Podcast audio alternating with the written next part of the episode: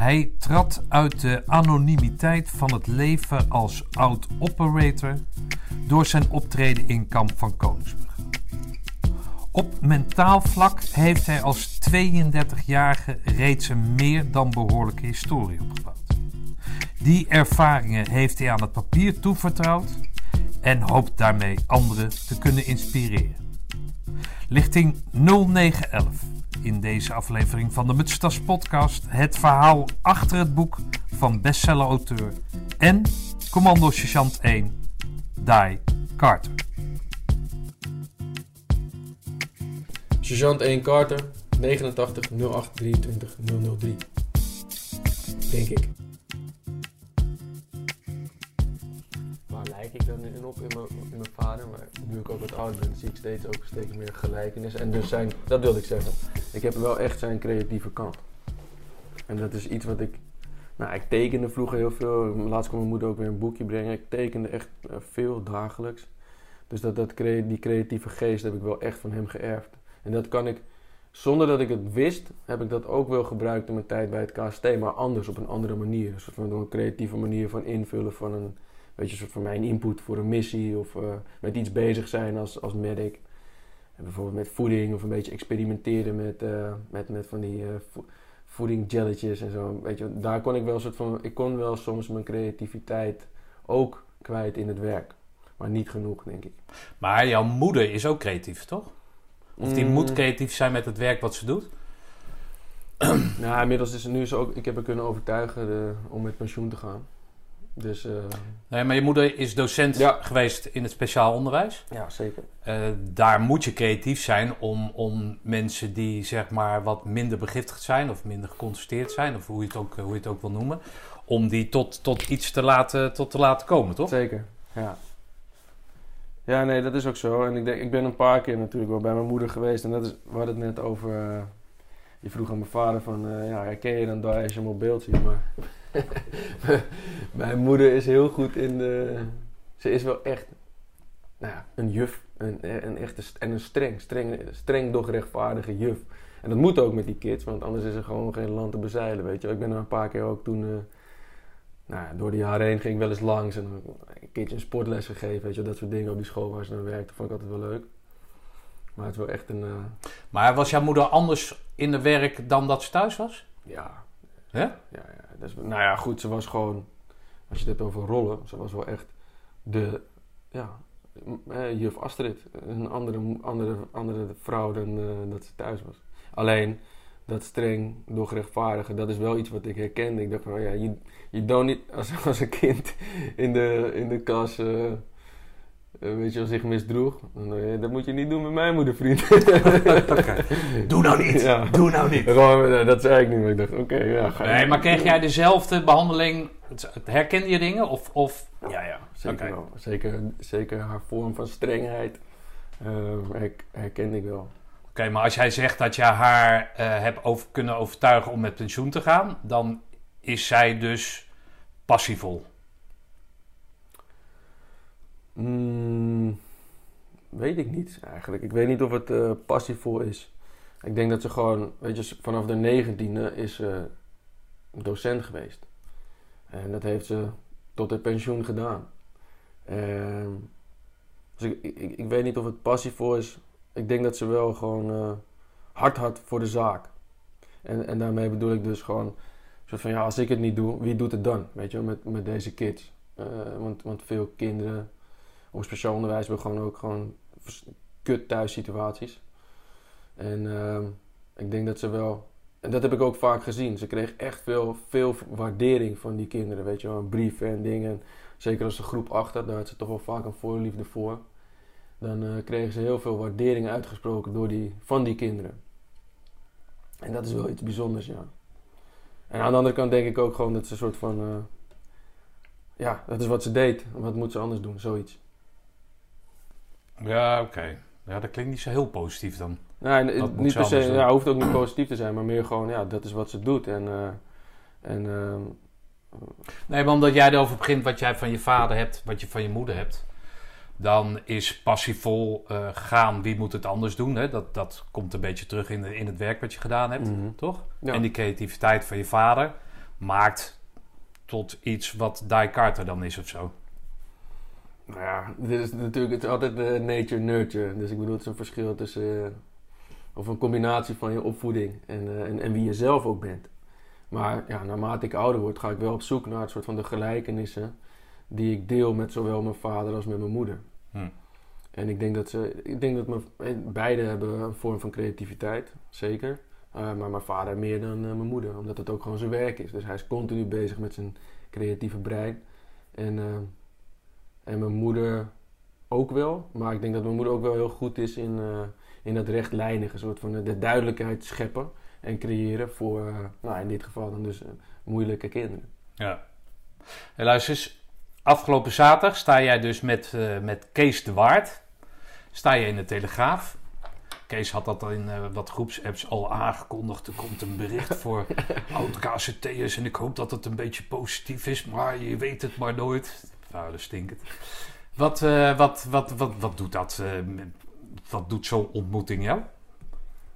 Ja, ik vond het echt een eh, leuke ontmoeting. Ik had Kees nog niet ontmoet, no- nog nooit. Ik, wist, ik kende zijn naam. Ehm, maar het was wel een, ja, het was een ontmoeting van de oudere garde met de nieuwere garde. Zo voelde dat ook wel een beetje, want ja, dat, dat verschil merk je wel in bepaalde dingen. Als hij vertelt over zijn opleiding in zijn tijd, echt een andere tijd, weet je. Ook hoe dingen eraan toe gingen soms in de, in de commandoopleiding. Ja, dat, dat, dat gebeurt niet meer. En dat zit hem vaak ook een beetje in het ludieke. Dus de, de grappige dingen als het ware, eh, die toen als grappig werden beschouwd, mm, zijn niet echt meer grappig.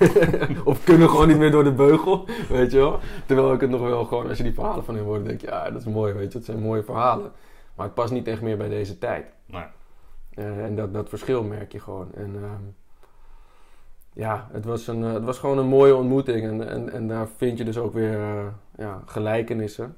En je voelt ook gelijk weer van, oh ja, weet je, we, we hebben dezelfde ervaringen gedeeld. En dat is die gemene delen. De, ja, de commandoopleiding is in feite natuurlijk niet superveel, althans de ACO is niet zoveel veranderd. Nu maken ze natuurlijk wel best wel behoorlijke stappen. En ik denk dat je echt wel kunt zeggen, ja, er, er komt, of er is nu een andere ACO dan, eh, nou ja, dan zelf dan toen ik de ACO deed in 2009. En het verschil zit hem eh, met name denk ik ook gewoon in de zelfredzaamheid.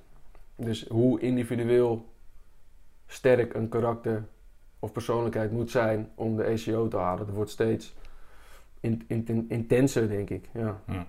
Waarin we ook wel in mijn ACO toch nog wel vaker de kans kregen om een beetje mee te liften op de kracht van anderen. Omdat je vaker opdrachten deed eh, met een groep dan individueel. Ik denk dat dat nu wel een verschil is, ja. Ja. ja, er wordt altijd gezegd, en dat bedoel ik helemaal niet vervelend, maar het wordt altijd gezegd dat het door de jaren heen hetzelfde is. Ik kan me dat niet voorstellen. Het wordt aangepast aan de tijd natuurlijk. Ja. Eh, maar die kernwaarden die blijven hetzelfde. En dan vind ik het mooi als dan zo'n artikel er is. En zeker zo'n uitgesproken figuur als Kees de Waard. Daar dan, is dat uit hetzelfde hout gesneden waar men het altijd over heeft? Voel je dat dan met zo'n kerel? Ja, dat voelde ik wel, ja. Ehm, maar waar het met name ook in zit, en dat is denk ik ook een beetje soort van het, eh, de boodschap in, in het artikel, is, eh, is, is je voelt dan wel een soort van kinship, ja, broederschap. Hm. En eh, nou, ik, ik, weet- ik, durf- ik zou niet durven zeggen dat ik dat met iedereen zou hebben, weet je wel, die een, eh, die een groene beret draagt. Eh, maar dat had ik met Kees wel, terwijl ik hem nog nooit had ontmoet. En dat is misschien ook gewoon zijn persoonlijkheid. Maar ja, dat voelde ik wel, ja. Oké. Hey, ik heb de- jouw boek toegestuurd gekregen van, van jou. tot, op, tot op het station heb ik dat moeten lezen. En bleek ik ook nog mijn bril vergeten te zijn thuis. Dus een beetje, nou, dat is moeilijk lezen. Helemaal in het begin, hè, dus het voorwoord of het, de boodschap die je meegeeft, eh, is er één voor je zoon. Je hebt net een zoon. Ja, Kan je vertellen hoe die heet of niet? ja Zef. Sef, Ja, Z-E-V. Dat is, eh, Z-E-V. dat is Hebreeuws eh, en dat betekent wolf. En je zegt eigenlijk in het Hebreeuws zeg je, spreek je het uit als Zev. Zef, Ja. oké. Maar eh, in de, eh, zeg je dat soort van de afkorting, de naam, zoals ze dan ook wel eens daar zeggen, is gewoon Zev.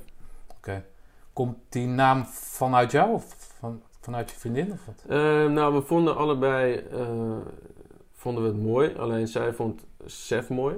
Dus S-E-F. Maar ik vond dat er al iets te veel S-E-F'en waren. Dus toen zei ik, nou ja, oké, ik vind het mooi, maar laten we op zoek gaan naar een soort van variatie of zo. En toen, eh, toen kwamen we op Sef uit. En, en, en, zeker de betekenis achter de naam vind ik mooi. Want een, een wolf is vanaf jongs af aan toch wel een uh, intrigerend dier voor mij geweest. En een heel interessant dier. Ehm, dus ehm, ja, een krachtige naam. Want wat, wat, wat? Ja, eerst nou, vanuit, ik denk ook vanuit een soort van de volksperceptie zijn wolven enge beesten. Uh, maar we, we, leren ook steeds meer over de wolf. En het zijn uh, in, in hun eigen roedel zijn het best sociale dieren. Um, en slimme dieren. En um, ja, ik vind het, ik vind het gewoon een, uh, een mooie... Nou, als er een wolf is, dan staat hij in de publiciteit. Ja, zeker nu. Ja. Het leeft natuurlijk ook. de wolf komt terug naar Nederland. Ja, nee, het leeft, het leeft super. Maar ik weet, nou, we, we zitten hier uh, hè, bij mijn vader thuis. De eerste keer dat ik naar Amerika ging, uh, was met mijn vader in 1996. Toen nam hij mij en mijn zus mee voor een vakantie. Super bijzonder. Want ja, sowieso Amerika, ja, allemaal groot. En, en toen gingen we dus ook naar de Rocky Mountains. En toen zei mijn vader, ja, hier zijn ook wolven, beren. En volgens mij is daar zo'n beetje zo die fascinatie ook ontstaan voor um, wolven. Maar ook uh, de, de Native American people. Uh, die dus, weet je wel, geloven in, uh, nou ja, in, in, in dier spirits. Of we zeggen het in Nederland? Ja. ja. animal spirits. En dat vond ik ook wel, ja, ik had daar een fascinatie voor. En dat is daar een beetje ontstaan. Oké. En um, ja, een krachtig dier. En dus, dus toen ik achterkwam dat, de, de, dat Zef wolf betekent, dacht ik, ja, dat is mooi. Oké. Jij schrijft dus voor mijn zoon, ik schrijf, het, ik, schrijf het, of heb het geschreven tijdens jouw eerste maanden mm na je geboorte. Uh, dat het een, een houvast voor je mogen zijn. Ja. Uh, nou heb ik zelf kinderen gelukkig. Twee hele leuke kinderen. um, En ik weet dat er zware lessen, hè, dat je zware lessen, dat je daar beter voor wordt. Daar gaat jouw boek af en toe ook over. Uh, maar ik heb altijd zelf, ja, je moet wel, hè, je moet af en toe wel op je bek gaan. Mm. Maar mijn kinderen, liefst zo zacht mogelijk. Ja. Hoe, hoe, hoe, zie jij dat? Ja, daar hebben we het nu vaak over met z'n tweeën, dus uh, met mijn vriendin. En, oh, ik dacht uh, met chef. Ja, ja, ja. ja vrijdag, mijn papa dacht, ja jongen, wat vind jij nu van de situatie? In, nee. Um, nou ja, ik denk dat dat een. Uh, dat is een beetje de kunst, denk ik. Want uh, ik weet dat ik door de harde lessen in mijn leven ook ben geworden wie ik ben. Um, mijn moeder zei wel eens tegen me. Want ja, je hebt net mijn vader ontmoet, maar mijn moeder is wel echt een andere persoon, andere persoonlijkheid. En um, ze zei wel eens: Ja, Dai, weet je, ik weet dat ik uh, ook wel verantwoordelijk ben voor best wel wat shit in je leven. Maar ja, shit is de mest van je leven. En van mest groeien dingen. Uh, Oké, die moet ik ook onthouden, dacht ik. Die heb ik ook in mijn telefoon opgeslagen. Uh, maar, en dat is ook zo, weet je. Dus ja, ik weet dat ik van, uh, van de, de, ja, de wat moeilijke tijden in mijn leven ook veel heb geleerd. Dus het was niet leuk altijd, uh, maar ik ben, ook, ja, ik ben ook geworden wie ik ben door die situaties. En ehm, dat is een beetje soort van die lastige tweedeling. Want ik wil een stabiele uh, basis creëren voor zowel mijn zoontje als mijn dochter die eraan komt in april. En um, ik denk dat dat de, de, kunst is, want ja, je wil ze inderdaad niet pijn laten lijden. Maar heel veel dingen die ik heb geleerd zitten in pijn en lijden. Die commandoopleiding, uh, één grote vorm van pijn en lijden, daar zitten heel veel lessen in. Dus hoe ga je dat dan combineren? Hoe creëer je eigenlijk vanuit een stabiele basis een kind wat weerbaar en veerkrachtig is? Maar in jouw boek schrijf je dat je op het pleintje, als je daar in confrontatie komt met, nou ja, weet ik veel wat, jongens, meisjes, in ieder geval gepest of Ahmed. geslagen. Ahmed was mijn aardsvijand. Oké. Okay. Ahmed, als je dit hoort, ja, we, zijn op, nu, we zijn op zoek naar je. Nee, hij is nu, uh, ja, dat kan ik zo over, dat is een mooi verhaal. Maar we zijn, okay. we zijn, we zijn goed met elkaar. Oké. Okay. Maar jouw moeder gaat dan naar het schoolpleintje, daar baal jij dan van. Hè? Want dan ben je een, een, een moederskindje. Ja. Zie, hoe, hoe zou jij dat nu uit? Chef komt thuis met een bloedend oog. Ja. Weet ik veel wat. Zeg jij dan, chef, ja, joh, moet je luisteren. Dat heb ik voor in het boek geschreven, dus terug. Of ga jij naar het schoolpleintje? Ja, daar heb ik over zitten nadenken, inderdaad. Ik, en ik weet nog niet zo goed wat ik precies dan zou doen. Maar ik zou in ieder geval het gesprek aangaan. Met wie? Met Zef. Oké. Dus, uh, maar dan zijn zij al weg. Ja, dat maakt niet uit. Want er zit dan een bepaalde emotie. Hè? Dus of hij komt boos thuis, of hij komt verdrietig thuis, of hij komt thuis met het gevoel van: hey pap, ik ben net, uh, weet ik veel, we zijn een, uh, iemand, ik werd gepest en uh, geslagen. Wat moet ik nou doen? Als hij dat überhaupt zou zeggen. Want ik zei dat niet. Ik kwam gewoon thuis en mijn moeder zag aan mij van... Hé, hey, er is iets. En dan... Hé, hey, is er iets gebeurd op het plein? Ja, dan brak ik in huilen, weet je, dan brak ik in huilen uit. En dan renden ze naar buiten. En dan uh, gingen ze die jongens opzoeken en dan gaven ze op een donder. Um, maar ik zou in ieder geval nu dan het gesprek aangaan en een soort van proberen aan te, na te gaan wat, wat hij dan voelt. En uh, eventueel een soort van uh, nou, mogelijkheden door te geven van wat, wat kun je doen als dit nog een keer gebeurt, weet je wel. En wat voelde je dan toen dit gebeurde? Ja, verdriet of ik voelde een soort van gek gevoel in mijn buik. Dus om een beetje die spanning als het ware boven te halen en daar gewoon over te communiceren. En dan vervolgens te zeggen, oké, de volgende keer dat dit gebeurt, ja, dan kies je de grootste jongen. En die sla... Nee, nee. Dat, dat, zou ik niet, uh, dat zou niet... Ja, dat is ook niet meer een boodschap, weet je, voor deze tijd. Maar misschien dus soms wel nodig, want... Uh... Nee, maar zou je hem wat aanreiken? Zou je zeggen van, nou, dan gaan we op kung fu of dan gaan we... Of, of kijken, zeg ja, ja, boksen. Ja, dat, dat, dat, Hier heb je twee kleine handschoentjes. Nou, dat, uh, weet ik van wat? Wat, ja, wat, dus wat zou je doen? Er gaat een leeftijd komen waar ik dat zeker ga doen, ja. En dan, dan vind ik... een vorm van weerbaarheid is ook fysieke weerbaarheid. Dus dat je leert om jezelf te verdedigen. Dat vind ik echt super belangrijk. Omdat ik dat toen ook uh, voor mezelf heb ja, gekozen, als het ware. Nee, maar ik ken jouw vrouw niet. Ja. Maar... Die is het daar niet mee eens. Nou, dat bedoel ik. Ja. ja, maar het gaat wel... Jij schrijft er een boek over. Zij heeft nog geen boek geschreven over hoe zij erin staat. Maar... Nou ja, een, een opvoeding, dat doe je met z'n tweeën als het goed is. Ik weet niet hoe jullie dat thuis doen, maar met z'n tweeën. Um, uh, dus het kan best zijn dat hij, zeg maar, de zachtere aard, ik hè, vat het mm. even samen, of in ieder geval, ik maak een conclusie, dat de zachtere aard van zijn moeder uh, uh, boven komt te liggen. Mm -hmm. hoe, ga, hoe denk jij daar dan mee om te gaan? Nou ja, ik denk dat het in, in beide zit een kracht. Alleen wat mijn vriendin ook ervaart, is dat zij was, nou, ze is trouwens, ze heeft opvoedkunde gestudeerd, dus. En ze is nu GZ-psycholoog, dus ze weet veel over dit soort dingen. en grappig genoeg zei ze laatst van ja, nou, ik weet niet, ik heb uh, orthopedagogiek gestudeerd, maar uh, ik weet niet of alles wat ik heb geleerd toepasbaar is nu ik zelf moeder ben. Dus dat zegt ook iets. Ja. Um, maar in principe weet ze, kent ze de theorieën, zeker de westerse theorieën over, uh, over opvoeden. Um, maar zij is als kind ook best wel soort van, zij was best wel in zichzelf en, en um, um, inter, meer introvert dan extrovert. Dat is ze nog steeds wel een beetje. Maar eh, dat heeft ook niet altijd geholpen. Dus ik denk dat het heel erg is, dat het gaat om de per situatie bekijken. Van oké, aanvoelen wat voor soort nou ja, type kind is mijn kind. En uh, wat, wat gaat hem of haar het beste helpen in deze situatie. En soms betekent dat ook gewoon to the point en actie uitvoeren. En, en, en soms ook niet. Um, maar ja, ja ik, dat is, ik denk dat ik gewoon, ik ben heel erg benieuwd hoe ik... hoe ik ga reageren die eerste keer dat dit gebeurt. Maar wat ik in ieder geval zou doen is dus proberen die emoties boven te halen. En ook uh, ja, afhankelijk van de situatie proberen een beetje een richting mee te geven. Um, maar dat is dus contextafhankelijk.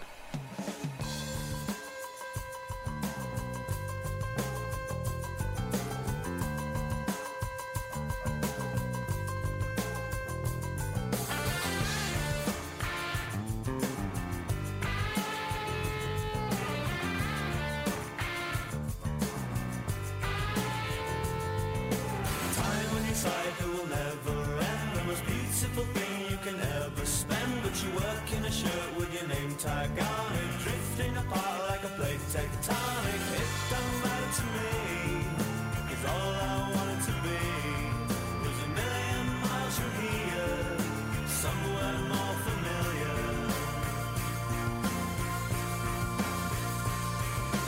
Too much time spent dragging the past up I didn't see you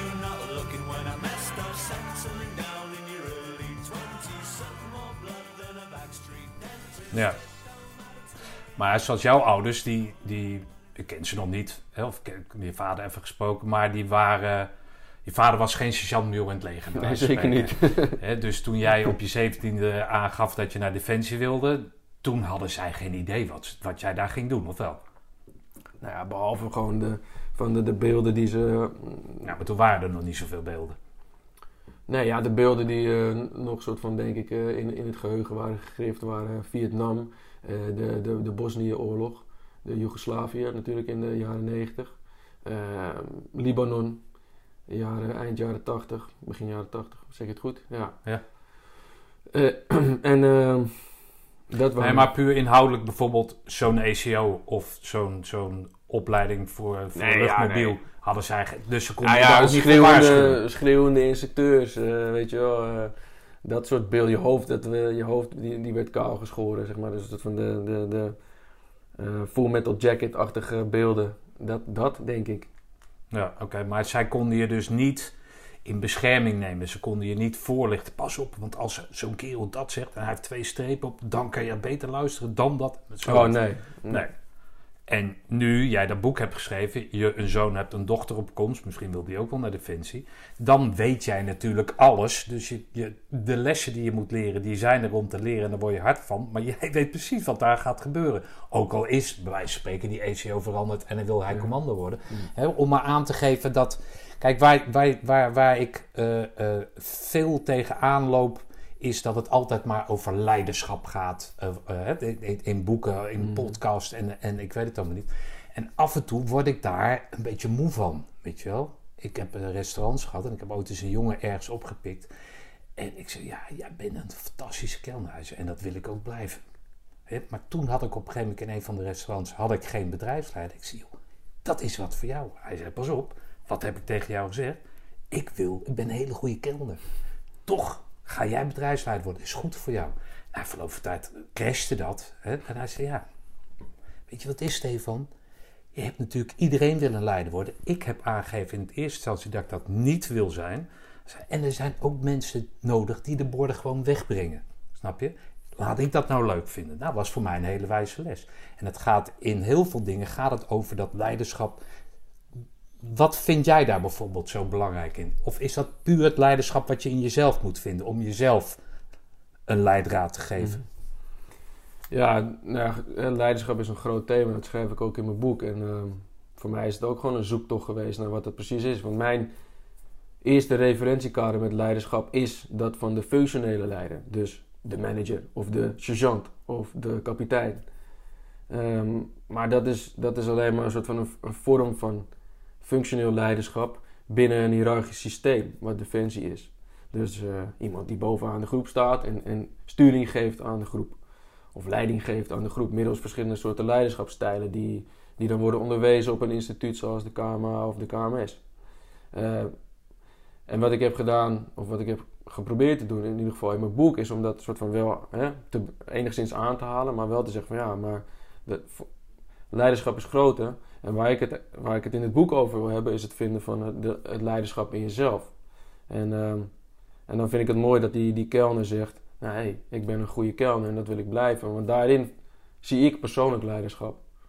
Eh, want voor mij gaat persoonlijk leiderschap over nou ja, het vinden van betekenis. ehm, en waarde geven aan, aan je leven en datgene wat je doet. Dus als jij dan betekenis, purpose hebt gevonden in, in datgene wat je doet, ja, ben je in mijn ogen bezig met je, je persoonlijk leiderschap uitvoeren. En, ehm, en waarde creëren voor de dingen die je doet.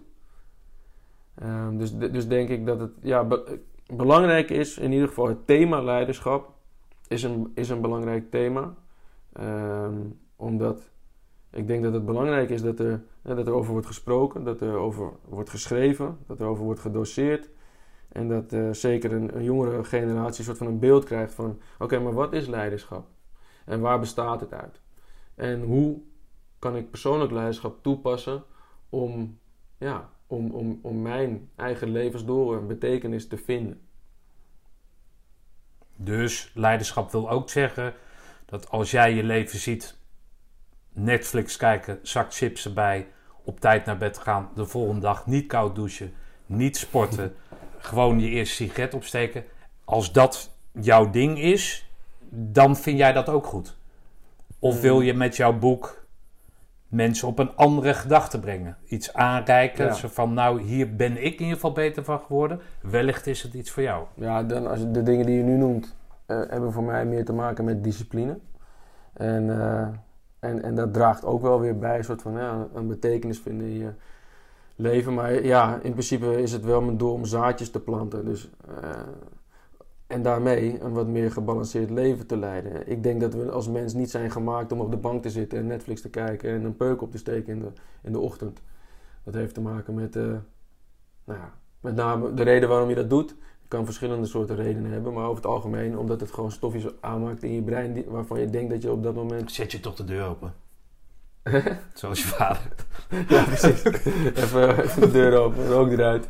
Nee, ja, nee, maar dat, ik, ik denk dus dat we daar niet voor gemaakt zijn. En uh, ik denk over het algemeen dat je daar ook niet echt uh, gelukkig van wordt. Ja, misschien wel. Bepaalde mensen en uh, er zijn genoeg mensen die... Dus de vraag eigenlijk voor mij is, waarom heb je dat boek geschreven? Ja, er zijn, daar zijn meerdere redenen voor. Eén ehm, is gewoon omdat ik denk en vind dat, dat, dat er te weinig wordt gedaan met mentale kracht. En um, de lessen die ik heb geleerd, met name dus in de commandoopleidingen tijdens missie, uh, daar alles over zeg, daar alles over, iets over leren.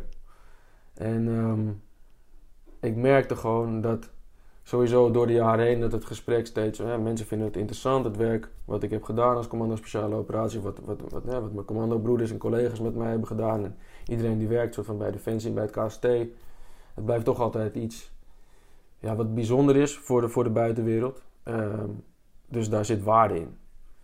Met name als het dus gaat over het, het mentale gedeelte. En eh, ik kwam erachter dat dat mentale gedeelte eigenlijk niet zo goed beschreven is in de, in de buitenwereld, voor de buitenwereld. Dus ben ik op zoek gegaan naar, oké, hoe kan ik dat zo goed mogelijk beschrijven? En hoe kan ik dan voor een zo groot mogelijk uh, doelgroep uh, het effect bereiken dat het iets positiefs teweeg brengt in hun bewustzijn. En daardoor dus hun in staat stellen om te bouwen aan hun eigen mentale kracht. En, en nou, dat is een soort van groot doel, maar er zitten ook kleinere soort van subdoelgroepen aan verbonden. Want één, ik heb het ook geschreven voor, nou ja, voor mijn zoon als een houvast en voor een jongere generatie als houvast. Om, om, om die, die thema's waarvan ik denk dat ze belangrijk zijn, om daar een soort van ja, houvast uh, in te creëren en tools mee te geven voor de rest van hun leven. Maar ook voor dienders van de maatschappij, politie, ehm, eh, mensen die in de zorg werken, militairen, toekomstige uh, nou, leidinggevenden binnen die verschillende groepen. Ehm, en, en, en dus ook voor misschien een wat oudere generatie die, die er niet zoveel van af weet en, en dus dan op een soort van als refresher. Oh ja, wacht even, misschien is dat laat nu. Ja, nou ja, dat is dan een interessant... Je moet heel diep gaan ademhalen nu. Ja, precies. nou ja, om die, die, die nieuwe soort van skills die 20 jaar geleden echt niet uh, leefden, om die wel uh, de wereld in te pushen. En, uh, en, en nu ontvang ik dus ook feedback van al die verschillende doelgroepen. Van hey, ja, ik heb echt superveel aan je boek gehad. Sommige zijn echt ook wel heftige verhalen van mensen die, nou ja, een meisje stuurde me een bericht over dat ze, nou, nou ja, in ieder geval een paar jaar, of ik weet even niet precies hoe lang, ik heb hem hier in mijn telefoon staan, maar twee jaar geleden of zo uh, opeens uh, het gevoel in de benen verloor. Daardoor niet meer kon lopen op een gegeven moment, waardoor haar mindset ja, toch bleef trainen, toch met de discipline bezig bleef. En uiteindelijk, nou, toen het boek uitkwam, zei ze, vielen er heel veel dingen op, op, op hun plek. Van, ze kon eigenlijk bewoorden en een plek geven aan de dingen die ze al had gedaan. Maar er, er zaten ook nieuwe dingen in die ze weer kon toepassen. En um, ik, nou, ik zou niet durven zeggen dat het komt door mijn boek, maar ze zei in ieder geval: inmiddels kan ik ook gewoon weer lopen en gaat het goed. Godverdomme, je. Ja, ja? ja, dat gaat, ik weet even niet of, uh, of dat kwam, of dat het al gebeurde voordat ze mijn boek las, maar wat ze in ieder geval meegaf was: ja, ik heb echt superveel aan je boek gehad. En een letterlijke zin was: ik heb er soms meer aan gehad dan, uh, soms meer aan gehad dan aan je woorden dan, dan mijn eigen arts uh, tegen me zei. Nou ja, als je dat soort uh, berichten... Nou, dat is wel een heftig bericht, toch? Ja, zeker. Zeker. En ook een heel mooi bericht. Want, nou ja, heftig in de zin ja. van dat het, dat het mij doet nadenken... In, hè, omdat ik dat boek dus nu net achter mijn kies heb... van waar dat hem dan... zonder haar klacht nou te kennen natuurlijk... maar waar het dat dan in zou zitten. Wat zij dan heeft kunnen, kunnen plaatsen in iets wat een arts dan niet zou kunnen. Ja, dat is natuurlijk heel vaag, nou, vaag omschrijven. Nou, nou ze zei, ik, ja, ik kan weet niet waar het ding ligt, maar um, waar, wat ze zei is dat het, uh, kijk, dus mijn, definitie van mentale kracht, dat bestaat uit die vier componenten: fysiek, cognitief, emotioneel en spiritueel. Ja, als je in de wetenschap gaat kijken, kun je al die vier componenten ook daadwerkelijk duiden en verschillende onderzoek, meerdere onderzoeken vinden die evidence-based zijn en, en, en linken aan waarom dat bijdraagt aan je mentale kracht. En zij zei dat gewoon het inzicht hebben in dat soort van in, het model en die verschillende componenten uh, heeft haar mm, bewust bekwaam gemaakt in een aantal zaken uh, die ze al toepaste. En, uh, en, en andere dingen weer duidelijk gemaakt op het gebied waar ze dus onbewust bekwaam in was. En dat is ook een van de redenen. Mooi man. Dat is een mooi compliment, toch? Ja, zeker. Ja, heel mooi compliment. En uh, soms weet, nou ja, ik weet niet, soms weet ik ook nog niet zo goed wat ik nou. Dus ik stuur dan gelijk ook, want er zijn veel mensen die me een berichtje sturen en ik probeer zoveel mogelijk te beantwoorden. Maar sommige zijn ook best wel intens, dat je denkt van wow, weet je, ja. een heftig verhaal. En ik ben blij dat ik daar, ik, dat, ja, dat, ik, super waardevol dat ik, uh, ik heb kunnen bijdragen aan je, aan je mentale bewustzijn en mentale gezondheid. Maar soms weet ik ook nog niet zo goed, wat, ik weet niet, het komt nog niet altijd binnen of zo. Uh, nou, het is mooi dat mensen een reactie geeft, toch? Ja, zeker. Heel mooi. Dat maakt het waardevol voor jou. Dat betekent dat mensen dat waardevol vinden. Dat, En dat geeft misschien meer genoegen dan dat jij weet dat je vandaag 30 boeken hebt verkocht. Ja, dat, dat geeft sowieso meer genoegen. dat weet je dan weer via je vader, die dat natuurlijk uh, gegoogeld heeft. Wat is de verkoop van vandaag? Uh, uh, even terugkomende op, jou, op jouw boek. waarom heb je voor die vorm gekozen? Kan je eerst de vorm uitleggen waarin je en, en waarom heb je daarvoor gekozen? De vorm is, bestaat uit dus persoonlijk. Ik begin meestal een hoofdstuk met een persoonlijk verhaal over een missie of tijdens de commandoopleiding. En dat koppel ik dan aan een thema. nou ja, dus, dus verschillende hoofdstukken: mindset, leiderschap, veerkracht, broederschap, pijn. thema's waarvan ik denk, hé, hey, dat, dat zijn belangrijke thema's nu, want, want mensen kunnen die handvaten gebruiken. Want dat is wat ik om me heen merk en zie. Zeker de afgelopen twee jaar. Corona hebben dat nog soort van meer versterkt. Um, dus dat is een beetje de, de, vorm van het boek. Maar daarin verweven, uh, ik heb dus op basis van het boek een model gemaakt. Um, een model mentale kracht. Wat het, wat het concreet maakt. En ik merk nu elke keer als ik dat model presenteer aan mensen, dat ze een beetje van, ja, inderdaad. Ik was gisteren met de bedrijf maatschappelijk werken van het KCT. Die was bij ons langs op de Academy van Triangular Group. En uh, nou, daar hadden we een interessant gesprek. En ik zei, nou, ik ga het voor je uittekenen. En hij heeft gewoon een solide basis in eh, zowel de wetenschap als het uitvoerende werk van mensen begeleiden. Die, die zitten met mentale gezondheid, die daar problemen in ervaren. En hij zei ook van, ja, ja echt een, een mooi, sterk model. En ik wil het zeker ook wel gebruiken om, ja, om, om in ieder geval gasten te helpen nou, als, iemand, als zo iemand dat tegen mij zegt, waarvan ik echt weet dat hij verstand van zaken heeft, dan weet ik dat het aanslaat. En dat model heb ik verwerkt. hoe kom je daar dan op? Hoe, hoe, hoe... Is dat de manier waarop jij het makkelijkst dingen absorbeert en in. Waarom, hoe, hoe komt dat dan?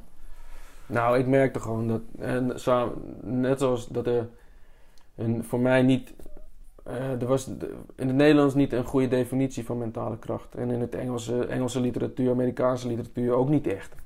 Dus voor mij was het belangrijk om dat helder te krijgen en dat concreet op te schrijven. Zodat het duidelijk wordt voor, voor de mensen. Ja, jij ja, misschien dat ik zelf niet duidelijk ben, maar je, je, je hebt dus een aantal onderwerpen.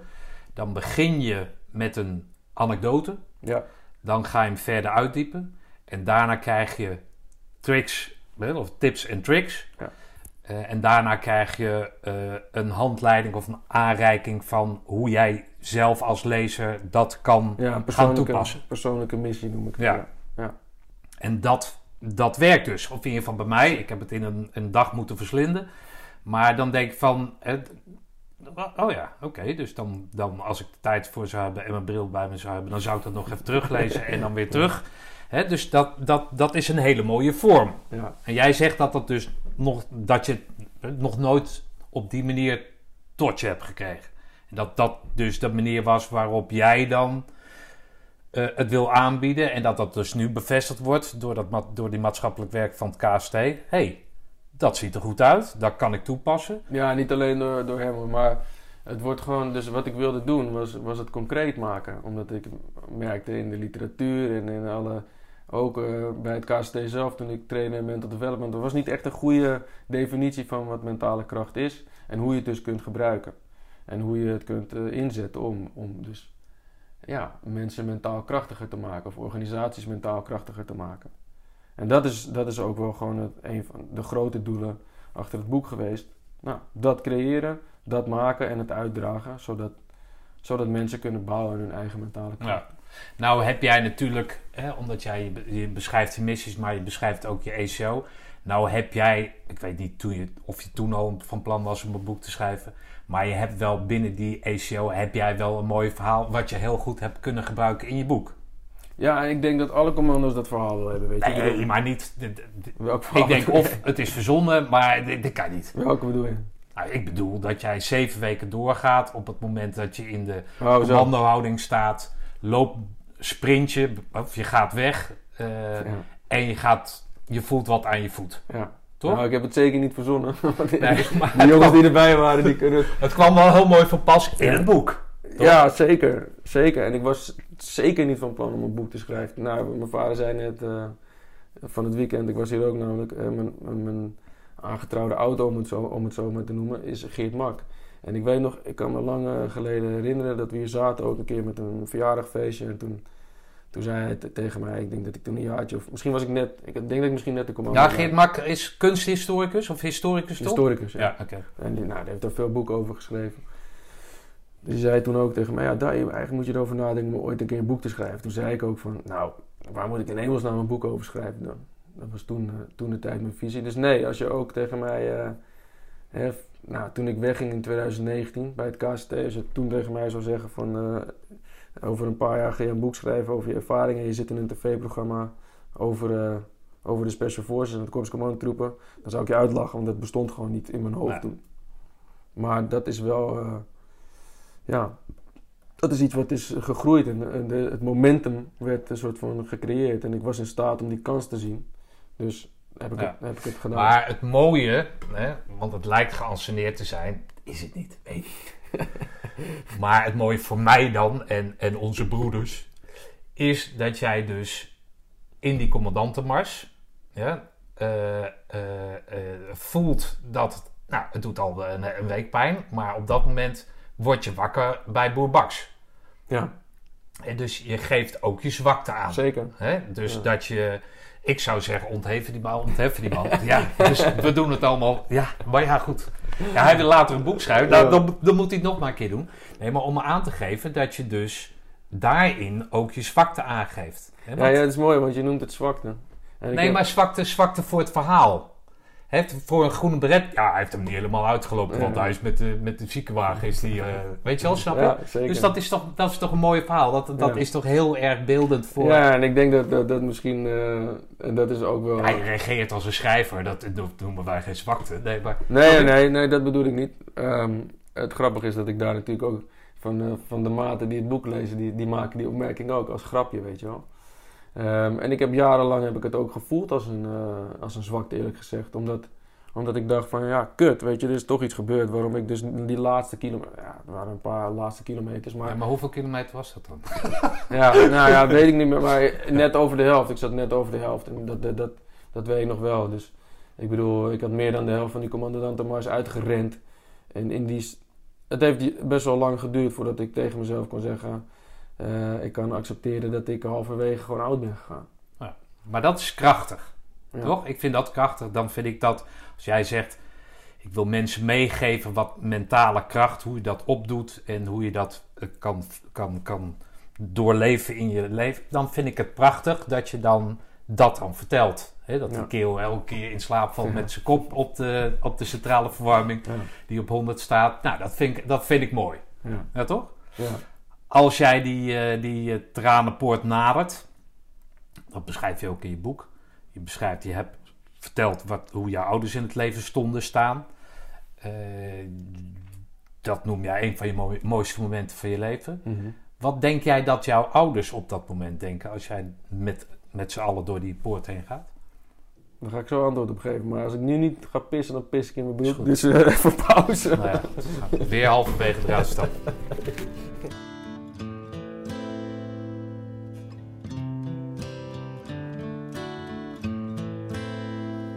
I hurt myself today to see if I still feel. I focus on the pain, the only thing that's real. The needle tears a hole, the old familiar sting. Try to kill it all away, but I remember everything. What have I become? My sweetest friend. Everyone Denk jij dat er door hun, door, eh, door hun hoofd schoot toen jij daar voorbij kwam? Ondanks dat ze je niet konden ontwaren. Ja, toch wel, eh, toch wel een vreemd soort trots, denk ik. Ehm, ja, dat is een vreemd soort trots. Van wel trots op, op datgene wat ik eh, heb gedaan. Ik, kan me nog goed herinneren dat ik de laatste trein pakte. Op Centraal hier was ik... ehm, volgens mij had mijn vader me weggebracht met de fiets. Of we waren hier. Nee, we waren hier. En ehm, toen zei ik tegen hem, nou paps, over een week zie ik je weer. Dat was de week voor de afmatting. Of die week daarvoor. Eh, als ik je straks, als ik je, als ik je zie, dan ben ik commando. Eh, ja, eh, het was niet echt zo. Oh ja, ja, echt mooi. Was ja, oké. oké. ja, ja, Ja. maar eh, dat moment, dat moment kan ik me nog wel goed herinneren. En eh, ja, ik denk gewoon wel gewoon een vreemd soort trots. En dat zag ik ook wel in hun, eh, als ik en nog een beetje die beelden kan terughalen. Is dat ook wel wat ik voelde. Van, ik merkte wel dat ze, net zoals met dat ik mijn rode baret haalde, ook wel trots waren. Met een soort van vreemde, weet je een Vreemde, soort van half misplaatste trots, maar wel aanwezig. Ja. Nou ja, mijn ouders, mijn vader is hospik geweest. En eh, dienstplicht. Ehm, maar die kwamen te laat. Weet je wel. Die hadden echt zoiets van, goh, wat, wat een gedoe. Eh, is mijn zoon er? Weet je wel, dat. Die houding. Mijn vader is ook super creatief. Eh, maar dat, dat ja, het, het, het viel me mee dat hij niet op de appelplaats stond. Weet je wel, pa, je hoort achter die hekken. Dat, dat, maar dat. Weet je wel, totaal niet. En dan nu ook nog, hè, dat ik dan zeg van... eh, en, heb je kamp voor? Daar kijk ik niet naar, jongen. Daar beginnen wij als spikken niet aan. Maar, Nou ja, goed, maakt niet uit. Totaal niet invoelend in wat daar... Hè, maar Ja. door bijvoorbeeld dat kamp voor Koningsbrugge... Moet je, moet het, moeten jouw ouders natuurlijk... omdat jij vertelt dat dat altijd zo'n verborgen wereld is... Dat, daar wordt ook veel over gezegd... maar met, met, met de desinteresse tussen haakjes... Pa, als ik over twee weken terugkom, dan ben ik commando. Het is goed, vriend. Hé, ik zie je. Hè, dan moet dat een hele andere lading voor hun hebben gekregen. Nou, ik denk niet desinteresse, maar meer gewoon een soort van ook. eh, want ik denk niet dat dat zo was. Ook tijdens, weet je, dat ik op, missie ging, was hij altijd wel gewoon echt eh, eh, geïnteresseerd en meer dan mijn moeder eigenlijk. Mijn moeder, die, eh, hoe, meer ik op missie ging, hoe verder ze zich ervan leek te Ja, distancieren. maar missie is anders dan ACO natuurlijk. Hè. Missie kan ik me dat voorstellen. Nee, zeker, maar om dat moment terug te halen, zeg maar, van, het, was niet zo, het was niet desinteresse, want hij was echt wel geïnteresseerd en dat, dat merkte ik ook wel, maar meer een soort van, ja, moeilijk gewoon, lastig te plaatsen voor ze, van, en zeker ook voor mijn vader, denk ik, lastig te plaatsen van, ja, wat moet, eh, moet ik hier nou echt heel erg blij mee zijn, weet je wel, dat je zegt dat je commando wordt, moet ik daar nou echt heel blij mee zijn, los van het feit dat ik dan trots ben en wel gewoon, ja, wel weet wat, wat je, als ik vertelde in het weekend wat ik heb moeten doen, dan weet hij, oh, ontzettend, wat een, wat een krankzin- krankzinnigheid is dat allemaal. Waar doe je het eigenlijk voor? Ik ben wel trots. Soort van, Mm. dat, dat, dat meer. Oké. Jouw vader, je vader die doseert aan de, aan de universiteit. Ehm, eh, video, hè? Eh, media. Ja, mediastudies. Ehm, wat, wat als dan zeg maar dat onbekende van dat commando zijn. Hè? Je vertelt missies, eh, weet ik veel, geen desinteresse, maar gewoon onwetendheid. Hè? Laten we het daar maar onder, onder scharen. Als die onwetendheid gekoppeld wordt aan zijn vak, hè? Door, door, door het optreden van jou in Kamp van Koningsbrugge. Wat, wat, wat doet dat met die man? Wat zie je aan die man? Eh, nou ja, ik, dus eh, aan de ene kant is ook die, wel de trots. Maar aan de andere kant is ook... eh, en daar was het in het voorgesprek al een klein beetje over. Dus ook ja, die technische kant. Want hij is er heel erg mee bezig. Hij kan niet naar een tv-programma kijken zonder soort van naar de montage. En te kijken naar, oké, hoe hadden ze dit beter kunnen doen? dus die kritische noot, die hoor ik ook wel vaak. Van, ja, nou, misschien had, ze, misschien had hij het toch beter op die manier... Of de, ja, dat is op die manier geëdit. Dus ik krijg vaak de soort van de technische benadering van... eh, Ja, daarom vinden mijn vriendin en mijn kinderen vinden het altijd heel vervelend om bij mij uit eten te gaan. Omdat ik restaurants Ja, heb gehad. oh doe even normaal, man. Ja. Weet je wel? Maar ja, dan is het daarna van, ja, het was, is inderdaad niet lekker. nee. Is goed dat je het gezegd hebt, want jij hebt nu wel het, een, mooi gerecht en wij zitten weet je wel. Dus ik snap dat wel, maar het, het is wel moeizaam. Maar als vader en zoon, die relatie, het, eh, komt dat dan dichterbij? Omdat, omdat die, eh, die man die moet, toch, die moet toch op school, of op school, sorry, universiteit, de unie, moet hij toch, als hij dat doseert en zijn zoon is een, een, een personality geworden, dan, dan moet, dat, moet dat toch, of niet? Ja, dat denk ik wel. Maar ik denk dat hij dat. ehm, ja, ik, ik, ik denk dat hij daar ook wel heel erg trots op is en dat op die manier dan ook wel zou kunnen uiten. Als, als Maar niet tegen jou. Eh, nee. Nou, ik heb Wiebe Keizer, een, een, pelotonsmaat van mij, eh, hoe heet dat? Eh, Een boer, een agrariër, geïnterviewd. En eh, zijn vader die heeft hem nog nooit compliment gemaakt. Maar als hij dan in het weekend op het voetbalveld stond, dan wisten allerlei mensen via zijn vader Ja. dat zijn vader trots op hem was. Ja. Nou, ik denk, nee, ik merk dat wel. Ik denk dat, het, dat hij het misschien eh, wat, eh, ja, wat, dus ik krijg eerder de soort van technische benadering en de uitleg van waarom misschien iets, iets, iets beter zou kunnen, maar wel van, oh ja, eh, maar het was, wel, het was wel mooi om te zien hoor, zo. En, en nou ja, de, het grootste compliment wat ik dus recent van hem heb gekregen is, is over mijn boek. En eh, dat bericht wat hij naar me stuurde, was wel echt een, eh, echt, een, echt een mooi compliment. En ja, misschien toch ook wel bijzonder, omdat ik denk dat hij ook uit een situatie komt. Engels, Britse opvoeding. Niet super, een soort van, in, in de zin van, ja, hoe zeg je dat, net Brits. Maar ja, mijn opa is gewoon wel een, eh, eh, tijdens de Tweede Wereldoorlog heeft hij eh, Londen gezien, dat werd gebombardeerd. Ehm, dus uit die klasse komt mijn opa en daar is mijn vader ook een product van. En ik denk dat complimenten geven of ehm, je, emo- je emoties uit, of, een soort van, dat, dat is niet per se iets uit die tijd. Van, van vader naar zoon. En ja, Zou jij dat hetzelfde doen met jouw zoon? Of ben jij, denk jij dat je anders bent? Ehm, nou Blijf ja. jij sturend? Zie jij je, al- ben je net als je moeder op school anders dan thuis? Blijf jij sturend? Of ben jij iemand die veel complimenten... Ja, ik- ik- dan, dan maak ik het wel diep, maar we, hebben allemaal... Nou, dat, het, daar eh, is een podcast voor. Ik weet niet welke podcast, welke wat sneuwe types die anders... eh, nee, Ja, ik bedoel, we hebben natuurlijk allemaal gewoon verschillende rollen, weet je wel. En ik denk dat dat... eh, nee, dat- maar jij schrijft een boek. En Ja. je zegt, voorin zeg je, hè, ja. zoon, dit is een leidraad voor. ja, nee, dus ik denk wel dat ik... Ik maak er wel een persoonlijke missie van mezelf van... om, om inzicht te krijgen in datgene wat mijn ouders hebben gedaan... wat mijn vader eh, als, als vader heeft betekend voor mij... en hoe ik daar een verschil in kan maken. Ja, maar in jouw boek zeg jij over een medic. Hè? Jij geeft een, een, een course. Mhm. En dan zeg jij eh, dat als ik dan aan mijn cursisten vraag hoe ze het vonden, zeggen zij het is kut. Ja.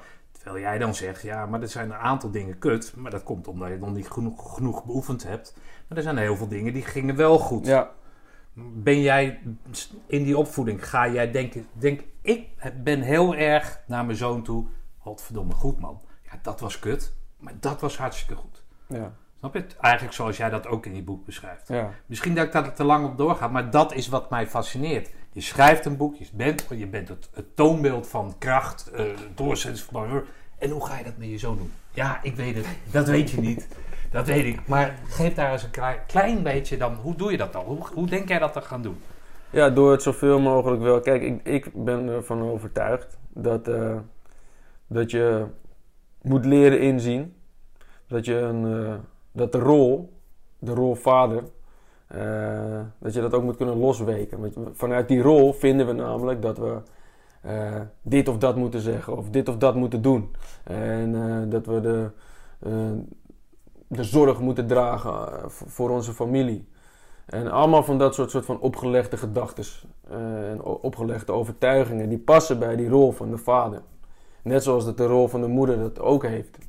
Maar dat komt omdat het geconditioneerde gedachten zijn, eh, die ergens ooit een keer zijn ontstaan.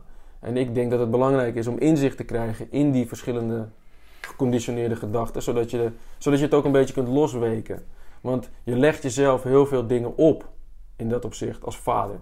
En dus ben je sneller geneigd om, denk ik, vaak ook misschien de verkeerde kant op te sturen. Of, of te streng te zijn op een bepaald moment dat je niet streng moet zijn. Of, of, of juist te lief op de momenten dat je het niet moet zijn. Omdat je het koppelt aan die rol van de vader, die voor mij weer ook gekoppeld is aan het ego.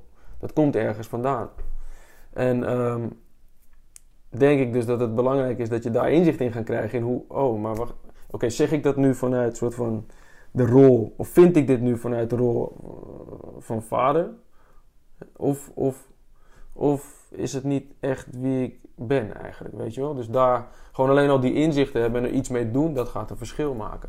En dat betekent ook dat je dus jezelf kunt losweken van datgene wat jij meedraagt vanuit die generaties voor je.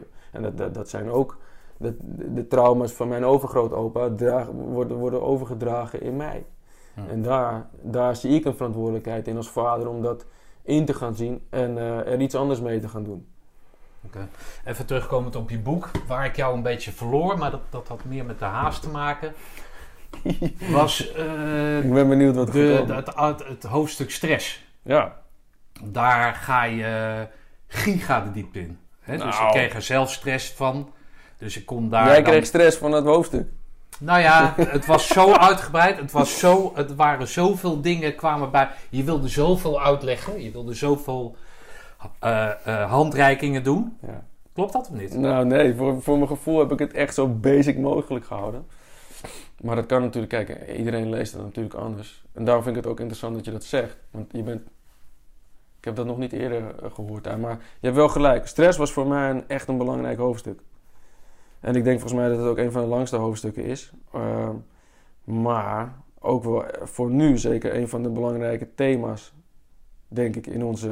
Absoluut. In onze nee, wereld. absoluut. Maar Maar ik kwam... dat was jouw. In, dat, dat, daaruit bleek dat je dat heel erg belangrijk vindt. Ja. Hè? Om dat door te geven. Ja.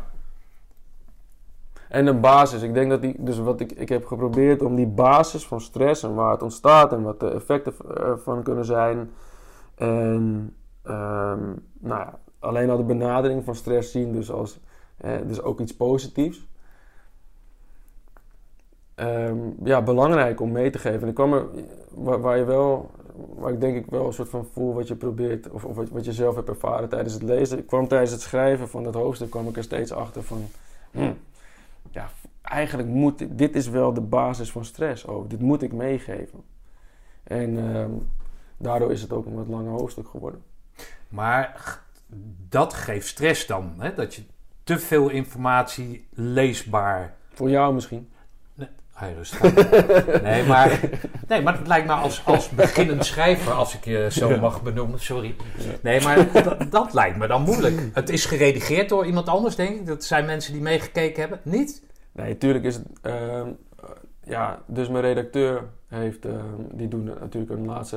Nee, Check. maar de deze in de deze in, weet ik wat, dat, dat wordt Ja, ook door nee. iemand anders gedaan. Nou ja, ik moet eerlijk zeggen dat er weinig in is veranderd. Ik heb er vooral wel wat dingen uit moeten choppen. Ah, oké. Want. want ehm, Nee, als- maar hoe doe je dat dan? Het gaat meer over de technisch. Ik ben geschreven, ik wil ook nooit geschreven Nee. worden.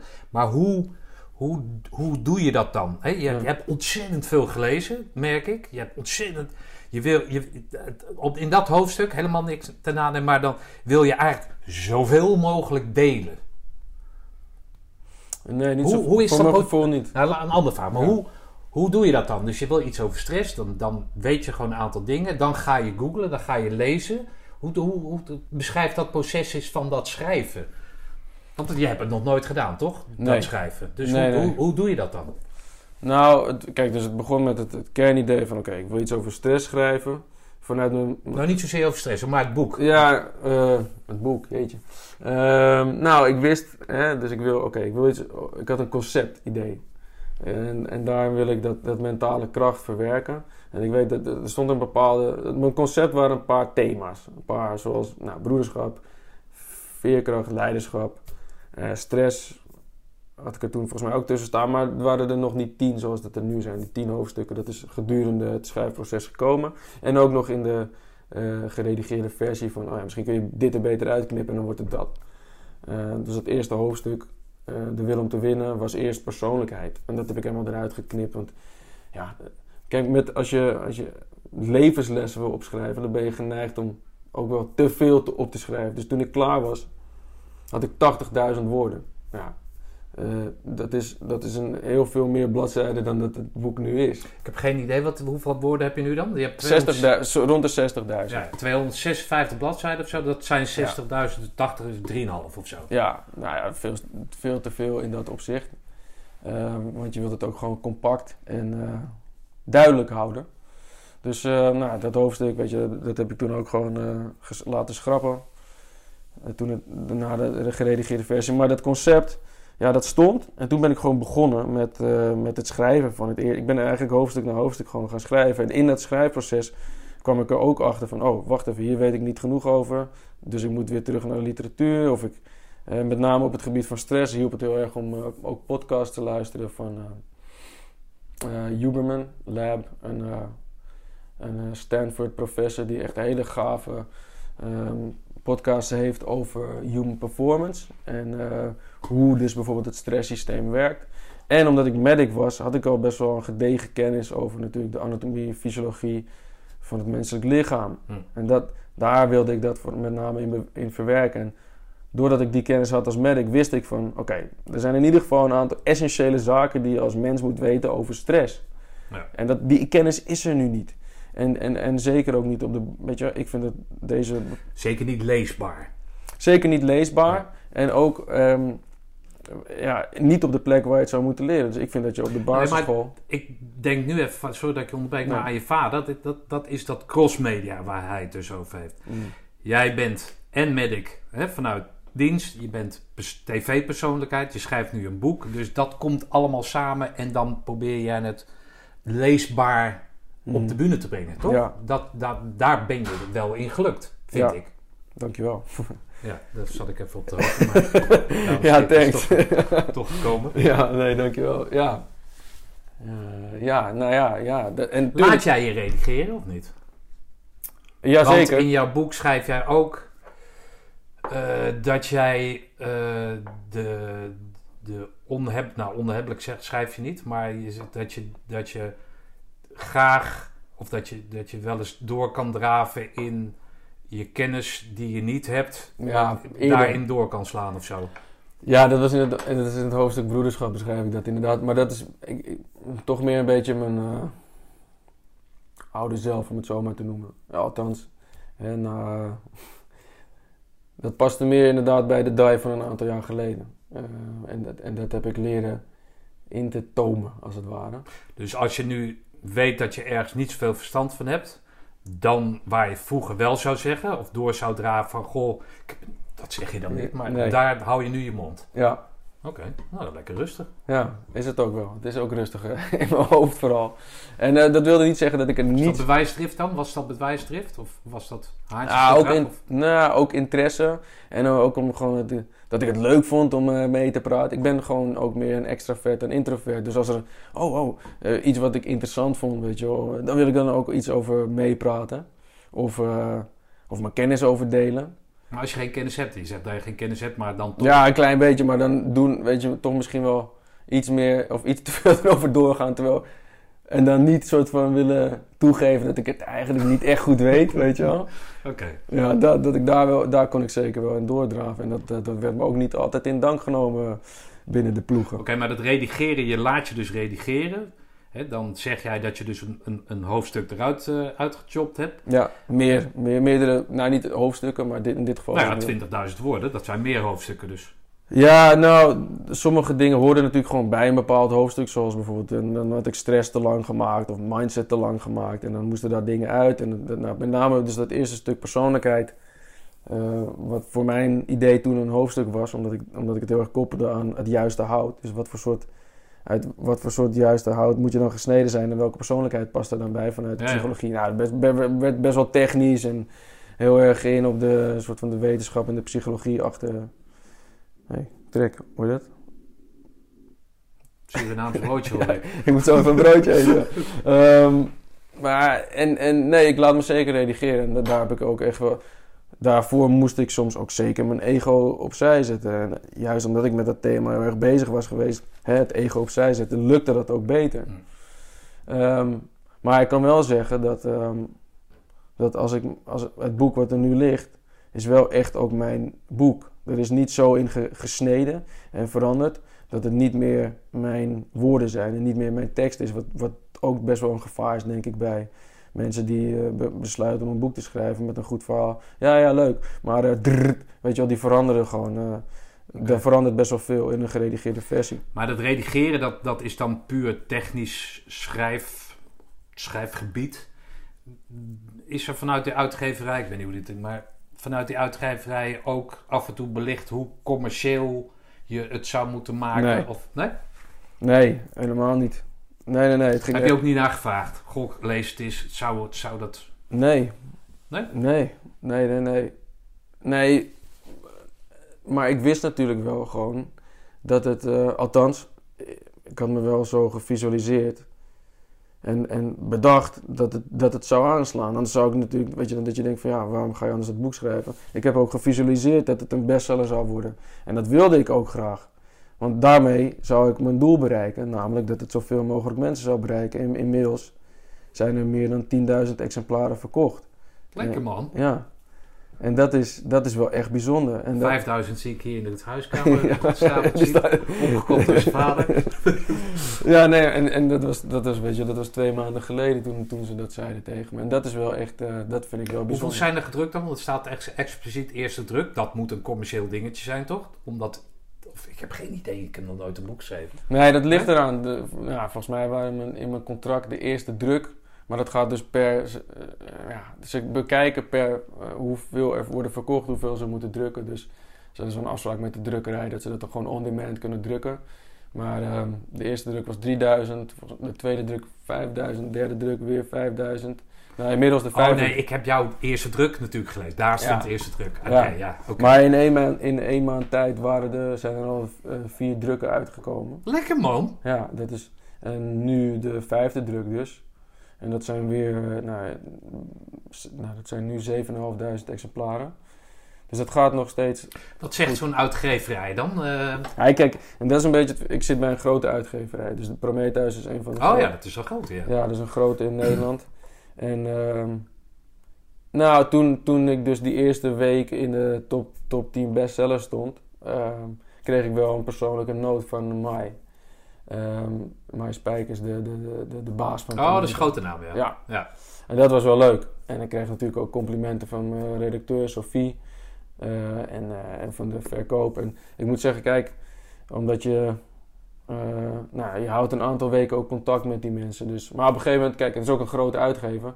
Dus ze moeten ook door. Want er zijn meerdere boeken die gewoon uitkomen. Nee, natuurlijk. Alleen jij, zij houden natuurlijk voeling Ja, eh, eh, door bijvoorbeeld Kamp van Koningsbrug even te kijken. Of in ieder geval op straat te horen dat er wat gebeurt. Of, of dat het niet is uitgezonden zoals vorige week. Of wat dan ook. Dus dat maakt, wat je vader zegt, die Cosmedia. Ja. Dit is echt een voorbeeld van Cosmedia. Ja, maar ik moet eerlijk zeggen dat ik daar best wel zelf eh, verantwoordelijk voor voel.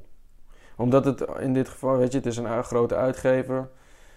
Je bent ook maar een van de vele boeken. Zo is het ook. Dus heel veel zit ook gewoon in, eh, degene, in de dingen die... Ik moet het zelf ook een beetje aanjagen. Eh, en ehm, Ja, maar dat is toch Cosmedia. Jij Precies, bent ja. elke week op tv. ja. Heb je ook nog een boek geschreven? Is een bestseller? Nou, laat die maar... eh, ja. ja, toch? Ze mag zich om de borst kloppen dat, dat jij een van haar bent. Hij, ja, ja, ja, ja. Of van de, ja, de uitgever. Maar ja, jawel, ja.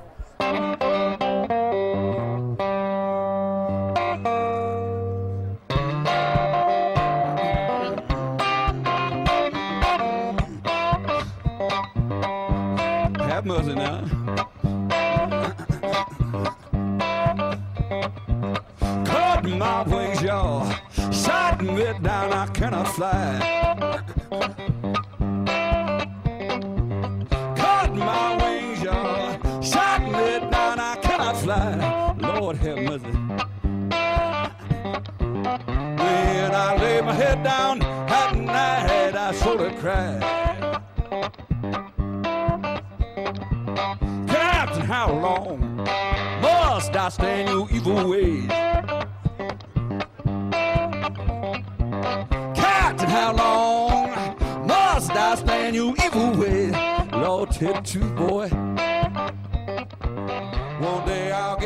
Ga je here. met het, eh, wat, wat is het tra- volgende traject van het boek? Want, want jij, als jij het vertelt over dat meisje die jou geschreven heeft, dan, hè, Ja. die dan, nou ja, ik wil het niet als een à la Jezus doen, maar die weer Nee, kan nee, lopen, door. Ja, kan dat is wel- lopen ja. door jouw boek. Nou ja, deze. Ze heeft er toen twee gekocht. Ja. Nee, een grapje, sorry, sorry.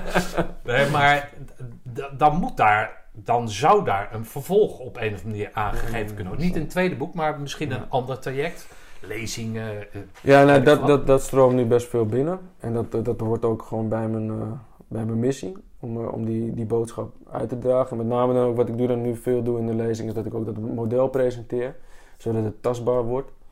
Ehm, en, en die aanvragen stromen steeds, steeds meer binnen, ja. Hoe doe je dat dan? De- heb je management of zo? Of, ja, nou, ik, ben, ik heb wel. Dus, nou, ik ben gewoon werkzaam natuurlijk bij Triangular Group. En Ray krijgt ook superveel aanvragen. Ja, dat wordt nu een beetje gemanaged binnen dat Leadership Center. Dat is één van de manier waarop het binnenkomt. Maar ik heb ook besloten om met een agentschap in zee te gaan, net voordat mijn boek uitkwam. Omdat ik dat advies kreeg van meerdere mensen. En dat helpt ook heel erg. Dus eh, ik heb eigenlijk een soort van twee ingangen als het ware. Dus ik krijg veel persoonlijke berichten van mensen die vragen: hey, geef je ook lezingen via Instagram of, of LinkedIn? Ehm, maar dan, als het verbonden is aan TGA, zet ik het door naar TGA. Als het, als het, als het niet verbonden is aan TGA, dan zet ik het door naar mijn agent. maar heb je daarin zelf, het, bijvoorbeeld, nou, noem maar wat, je bent muzikant, ik ben geen muzikant, maar je bent muzikant, dan kan je natuurlijk de Ziggo afhuren en, en je kan natuurlijk voor misschien wel hetzelfde geld voor de 100 patsers eh, op een boot eh, je, je kunstje voor een half uurtje doen. Heb je daar nog iets in ge, model gemaakt van dit wil ik wel, dat wil ik niet? ja, daar kijk ik zeker wel naar. Ja. Zo'n is- boot zou je niet doen.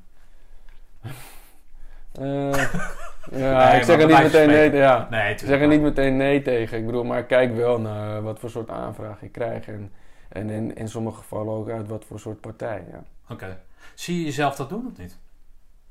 Wat? Nou, zo'n presentatie. Ja, ik doe het al. Ja, nee, Ja. Oké, je ziet jezelf dat doen. Ja. Maar hoe vind je dat het gaat? Laat ik het dan Ja. zo zeggen. Eh, nou ja, ook oefeningbaar kunst. Ik bedoel, de eerste keer vond ik toch ook wel weer spannend. Want eh, ja, je, je, je gaat daar toch iets eh, vertellen en je wil dat het zo goed mogelijk overkomt.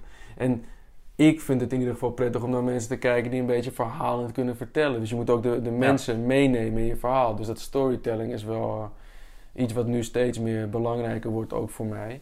En waar ik me dus eh, probeer in te bekwamen. Doe je dat allemaal zelf? Of heb je, laat je coachen? Of? Nou, we hebben in het begin een goede sessie gehad. Dus met z'n drieën. Dus Ray, Siert, Siert Nutma, die ook bij ons, eh, bij ons werkt. eh, binnen het Leadership Center hebben we een goede sessie gehad. En hij heeft ons wat, sowieso wat basics daarmee gegeven. Hij doet dat best wel lang al, weet je wel. die keynote inspiratiesessies op basis van zijn boek en zijn verhaal. Oud commando, oud politieagent en allerlei andere avonturen die hij heeft beleefd. Eh, dus die heeft daar, daar had hij al best wel wat ervaring in. En daar hebben we gewoon een goede ja, soort van basic sessie gehad. En nu is het vooral ook experimenteren. Dus eh, als ik een aanvraag krijg, dan... Nou, laatst was ik op een eh, college in een middelbare school in, in, in Nijmegen, het Citadel College. Ja, daar zaten studenten van, weet je wel, 13, 14, 15. Ik had natuurlijk een plan. Maar ik merkte al heel snel dat toen ik daar aankwam dat ik mijn plan moest aanpassen. Omdat dat, nou, ik wilde het model uittekenen en een aantal tools met, voor ze meegeven. Met name op het gebied van stressregulatie. Dus ademhalingstechnieken, eh, tactical breathing. En, eh, en ik wilde ook een eh, soort van aandacht vangen vanaf het begin. Maar ik dacht van, hmm, hoe ga ik dat dan, weet je, hoe, hoe, hoe moet ik dat nou in hemelsnaam doen? Dus ik heb dat even snel daar ter plekke moeten aanpassen. En gelukkig werkte, werkte het ook. Maar het is, het is gewoon experimenteren. En, eh, en de ene keer misschien slaat het niet aan en de andere keer wel. Tot nu toe merk ik dat het wel eh, werkt. Maar wat ik nog wel, tot nu toe is het nog niet voor een zaal geweest. Dat, die staan wel gepland dit jaar. Maar echt, wel, weet je, dat dit over duizend mensen of meer. 1400 mensen.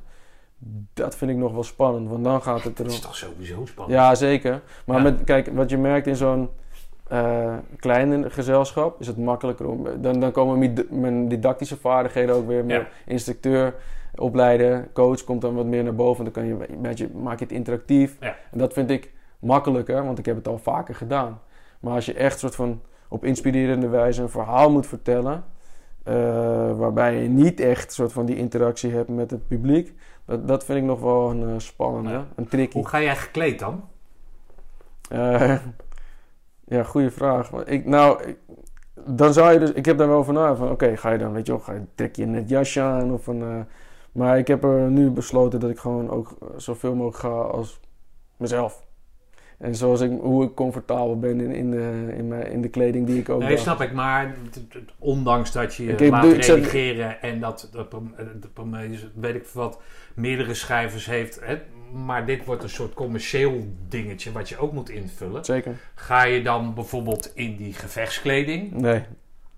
Nee, nee, nee. Nou, nee. Nou, ik, ik, zou toch op zich niet zo gek zijn? Een spijkerbroek en een, en een, en een gevlekt eh, ding. Of ja, nou, dat heb, dat heb ik laatst... Dat heb ik wel uitgeprobeerd. Dat Van een camouflage vlinderdasje. ja, ik heb het wel uitgeprobeerd en, en dat was een aanvraag ook via een oud commando. En ehm, die gaven een bedrijfstraining en of ik toch nog aan de voorkant iets wilde zeggen. En toen had ik wel, nou de, vraag vanuit de klant was ook, ja, wil je er toch een beetje militair uitzien? Ook voor hun. Dus toen heb ik wel een, eh, een multicam jasje aangedaan. Maar daar heb ik toen wel ook een eh, soort van mee geëxperimenteerd. Van eerst voor die groep gaan staan toen ik wat wilde vertellen. En eh, toen eh, het jasje uitgeritst. En zei, misschien helpt het wel als ik deze even uitdoe. Ah. En toen heb ik Ja, hem ja, in, de hoek, in de hoek gegooid. Want het ziet er misschien wat strenger Ja. en militair uit. Merk jij in, in die presentaties, je hebt er nog niet veel gedaan, er komen er veel aan, je bent aan het experimenteren of hè, je, je weg daarin te vinden. Merk jij of eh, eh, voel jij eh, dat Ray niet naast je staat? Of hoe kan je iets vertellen over die wisselwerking? Hè? Het is honderden uren wordt er gefilmd. Zo symbiotisch zijn we nou ook weer niet, hè? Maar er wordt honderden uren gefilmd. Ik heb net van je vader gehoord dat er dan gemonteerd wordt. Dat er drie kwartier of weet ik veel, 35 minuten, hoe lang is het? 45 minuten van overblijft. Hij heeft er verstand van. Maar daar is een bepaalde wisselwerking tussen jullie. Dat is niet afgesproken. Is dat wel afgesproken? Nee, nou, seizoen 1 sowieso niet. We hebben vrij weinig afgesproken. En het liep gewoon zoals het liep. Eh, je leert natuurlijk ook van in seizoen 1. Seizoen 2 ging het al veel beter. Maar ook- we hebben elkaar ook zoveel beter leren. Ik kende Ray eigenlijk nog niet super goed. Ik werkte wel bij TGA, maar we, ja, we hebben één projectje samen gedaan toen. eh, voor de intelligence kant. Eh, en, en daar leerde ik hem iets beter kennen. Maar ik ken hem nog niet zo goed. En tijdens seizoen 1 hebben we elkaar echt beter leren kennen. Ehm, is ook vriendschap ontstaan. En in seizoen 2 werd dat alleen nog maar meer. Ehm, en, en toen kwamen we er wel... eh, Nou, toen hebben we wel vanaf het begin af aan ook meer besloten... Oké, misschien moeten we even iets meer soort van ook communiceren over... Wanneer zeg jij het, wanneer doe ik iets. En vaak was het gewoon even een 1-2'tje. Van, eh, hey, eh, oh ja, oké, hey, zeg jij even... Ja, dan doe ik dat. Ja, oké, is goed. Nou, bam, let's go. En ehm, vaak wel een één take.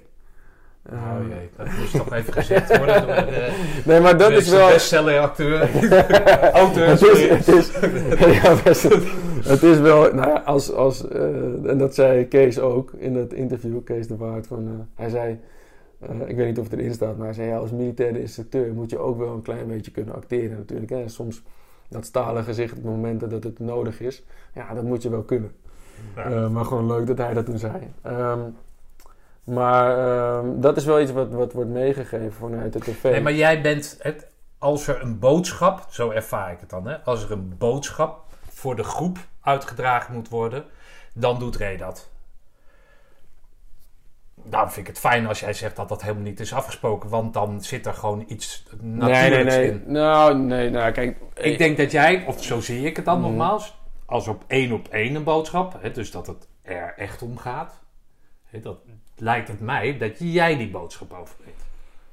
Mm, nou, het format, hè, dus het oorspronkelijke format vanuit Waas was ook gewoon... Je hebt, je hebt, je hebt, de, je hebt Stijn en Fly. En ehm, daar zit een verschil in. En eh, dat verschil is ook zo... eh, en dat is ook met name voor de, voor de kijker maakt dat het ook duidelijk, hè. Van, eh, soort van als er een oordeel geveld moet worden, dan is Ray degene die dat doet.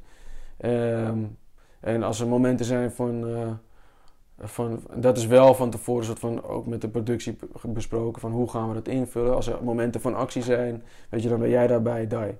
En zo is dat natuurlijk wel zo van, dat, ja, dat is het format, dus op die manier ga je er wel, eh, wordt, wordt daar invulling aan gegeven. Ja. Oké. Maar mijn vraag, daarna ik, je hebt zoveel tekst nodig. Mis jij Ray naast je zijde, of aan je zijde dan? In Nee. zo'n presentatie? Nee. Nee. nee. Nee. Zo blij dat ik alleen zo blij dat ik een boek heb geschreven. Nee, maar. Want dan moet je het allemaal alleen doen. En niet dat je Ray nodig hebt, maar dat lijkt me, zo, dat lijkt me dan anders. Nou ja, nee, ik bedoel, dit is een totaal andere situatie. Dat weet ik. Maar Ja, een t- tv-programma is een tv-programma. Dus nee, ik, ik mis Ray dan niet naast me. Maar wat ik wel, en dat vind ik, kijk, en dat vind ik ook, nou, dat beschrijf ik ook in mijn boek, in het hoofdstuk Mindset. ehm, en dat heeft te maken met success of others. Dus hoe interpreteer je het succes van anderen? En Ray is wel gewoon echt mega goed in. Hij ontvangt informatie. Dus iemand van de tv of whatever zegt: ja, oké, maar kun je dan deze, deze zaken, kun je dat graag verwoorden? En dan zit ik nog zo, hm, hoe ga je dat eigenlijk, hoe ga je dat verwoorden? Zit ik zo. En dan zie ik hem, ja, ja, is goed.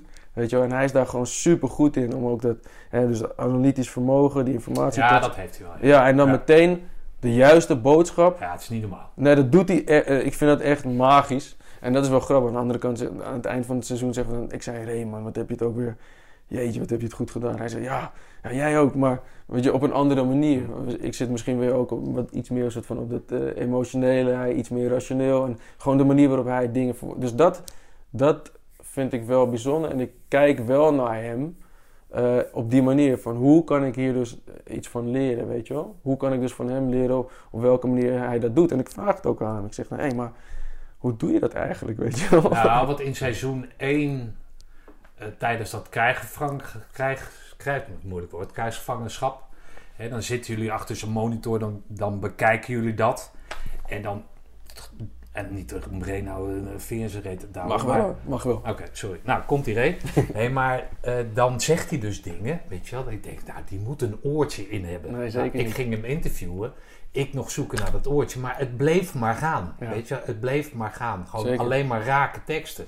Nou, dat, dat vind ik wel mooi. Ja. vraag ik ook of je dat dan... Maar goed, jij geeft daar dus eigenlijk... Nou ja, ik mis hem niet, natuurlijk, maar wat ik... Nee, maar ik probeer wel zeker ook van hem. En dat heb ik vorig seizoen ook weer gedaan. Ik, ik leer daar zeker wel van. En ik sta ook daar, dus ik, sta- ik sta echt open voor de manier waarop hij dat dan doet. Ik ben heel erg geïnteresseerd naar hoe dat werkt in zijn, eh, hoe dat werkt in zijn brein. Ja. Omdat, omdat hij het gewoon, nou, zoals je zegt, weet je, hij doet, dat zijn gewoon rake teksten. En daar kun je echt iets van eh, leren als je ervoor open staat. Ja. Hey, wat, eh, wat, wat eh, heb jij aan die groene beret eh, gehad in je leven? Je bent, je bent namelijk helemaal niet zo oud, hè? Je bent pas 32, toch? Ja. Ja. Ja. ik was twintig toen ik mijn groene bret haalde. Ehm, dus vrij jong voor... Nee, maar je schrijft ook dat je geen biografie of autobiografie wil schrijven. Maar als je dat niet geschreven denk je, ja, en, blijkt dat je 32 bent, dan, dan is dat ook gek. ja, Of zou dat gek zijn? precies, ja. Ja, ja. maar dan heb je hem nou, op je 20, 12 jaar geleden gehad. In dat korte leven wat je dan gehad hebt. Hè? Met die ontzettende ontwikkelingen die je dan in die 12 jaar meemaakt. Precies. Wat heb je dan Ja, dat is... Nou ja, kijk, wat heb ik eraan gehad? Het feit dat ik nu in een tv-programma zit, eh, dat ik dat boek kan schrijven, is allemaal gelinkt aan die groene beret. Ehm, en ik ben, ja, weet je, ik ben volwassen geworden bij het KCT. Eh, hoe meer ik daarover nadenk, ja, dat is toch wel bijzonder, weet je. Veel gasten ook wel die, denk ik, de, die ervoor kiezen om de opleiding in te gaan, hebben al een studie gedaan of, weet je, zijn toch al wat meer volwassen geworden in het burgerleven, om het zo maar te noemen. Ik ben niet volwassen geworden in het burgerleven. Ik ben volwassen geworden in het militaire leven. Vanaf mijn zeventiende tot mijn twintigste bij Luchtmobiel. En dan van mijn- mijn twintigste tot mijn 29ste bij het KCT. En als je bedenkt wat voor soort ontwikkelingen je in die leeftijdsjaren meemaakt, is dat natuurlijk het maakt superveel impact. Uh, al zou je dus niet uh, commando zijn geweest. Maar ik was wel commando in die belangrijke levensfase. Dus het, is, het, heeft me voor een groot gedeelte gevormd. En het heeft de basis gecreëerd voor mij waar ik ook naar op zoek was. Dus het heeft me de handvaten gegeven om deze wereld uh, het hoofd te kunnen bieden. En, um, en daar ben ik zelfverzekerd van geworden. Daar heb ik nou ja, al die skills en vaardigheden die ik heb geleerd en die voor een groot gedeelte ook in het boek staan beschreven, heb ik daar geleerd. Um, dus ik heb, ik heb uh, ja, ontzettend veel te danken aan die groene beret en het feit dat ik tien jaar, of ja, bijna vol tien jaar heb mogen dienen bij de Korps Commandotroepen. Laatste vraag. Wat, hoe, uh, hoe is dat uh, om bekende Nederlander te zijn? dat begint nu steeds meer te leven. Na seizoen 1 had ik dat nog... Heb je altijd die integraal helm op als je door de stad loopt? Of uh, is dat nee. nog niet zo erg? Nou, nee, ik begin het nu wel echt te merken. Uh, zelfs dus, nou, ik was net trainen op de marinekazerne in Amsterdam. Best wel mensen die me aanspreken van, hey, tof programma. Ik was, uh, vrijdag is mijn pappadag.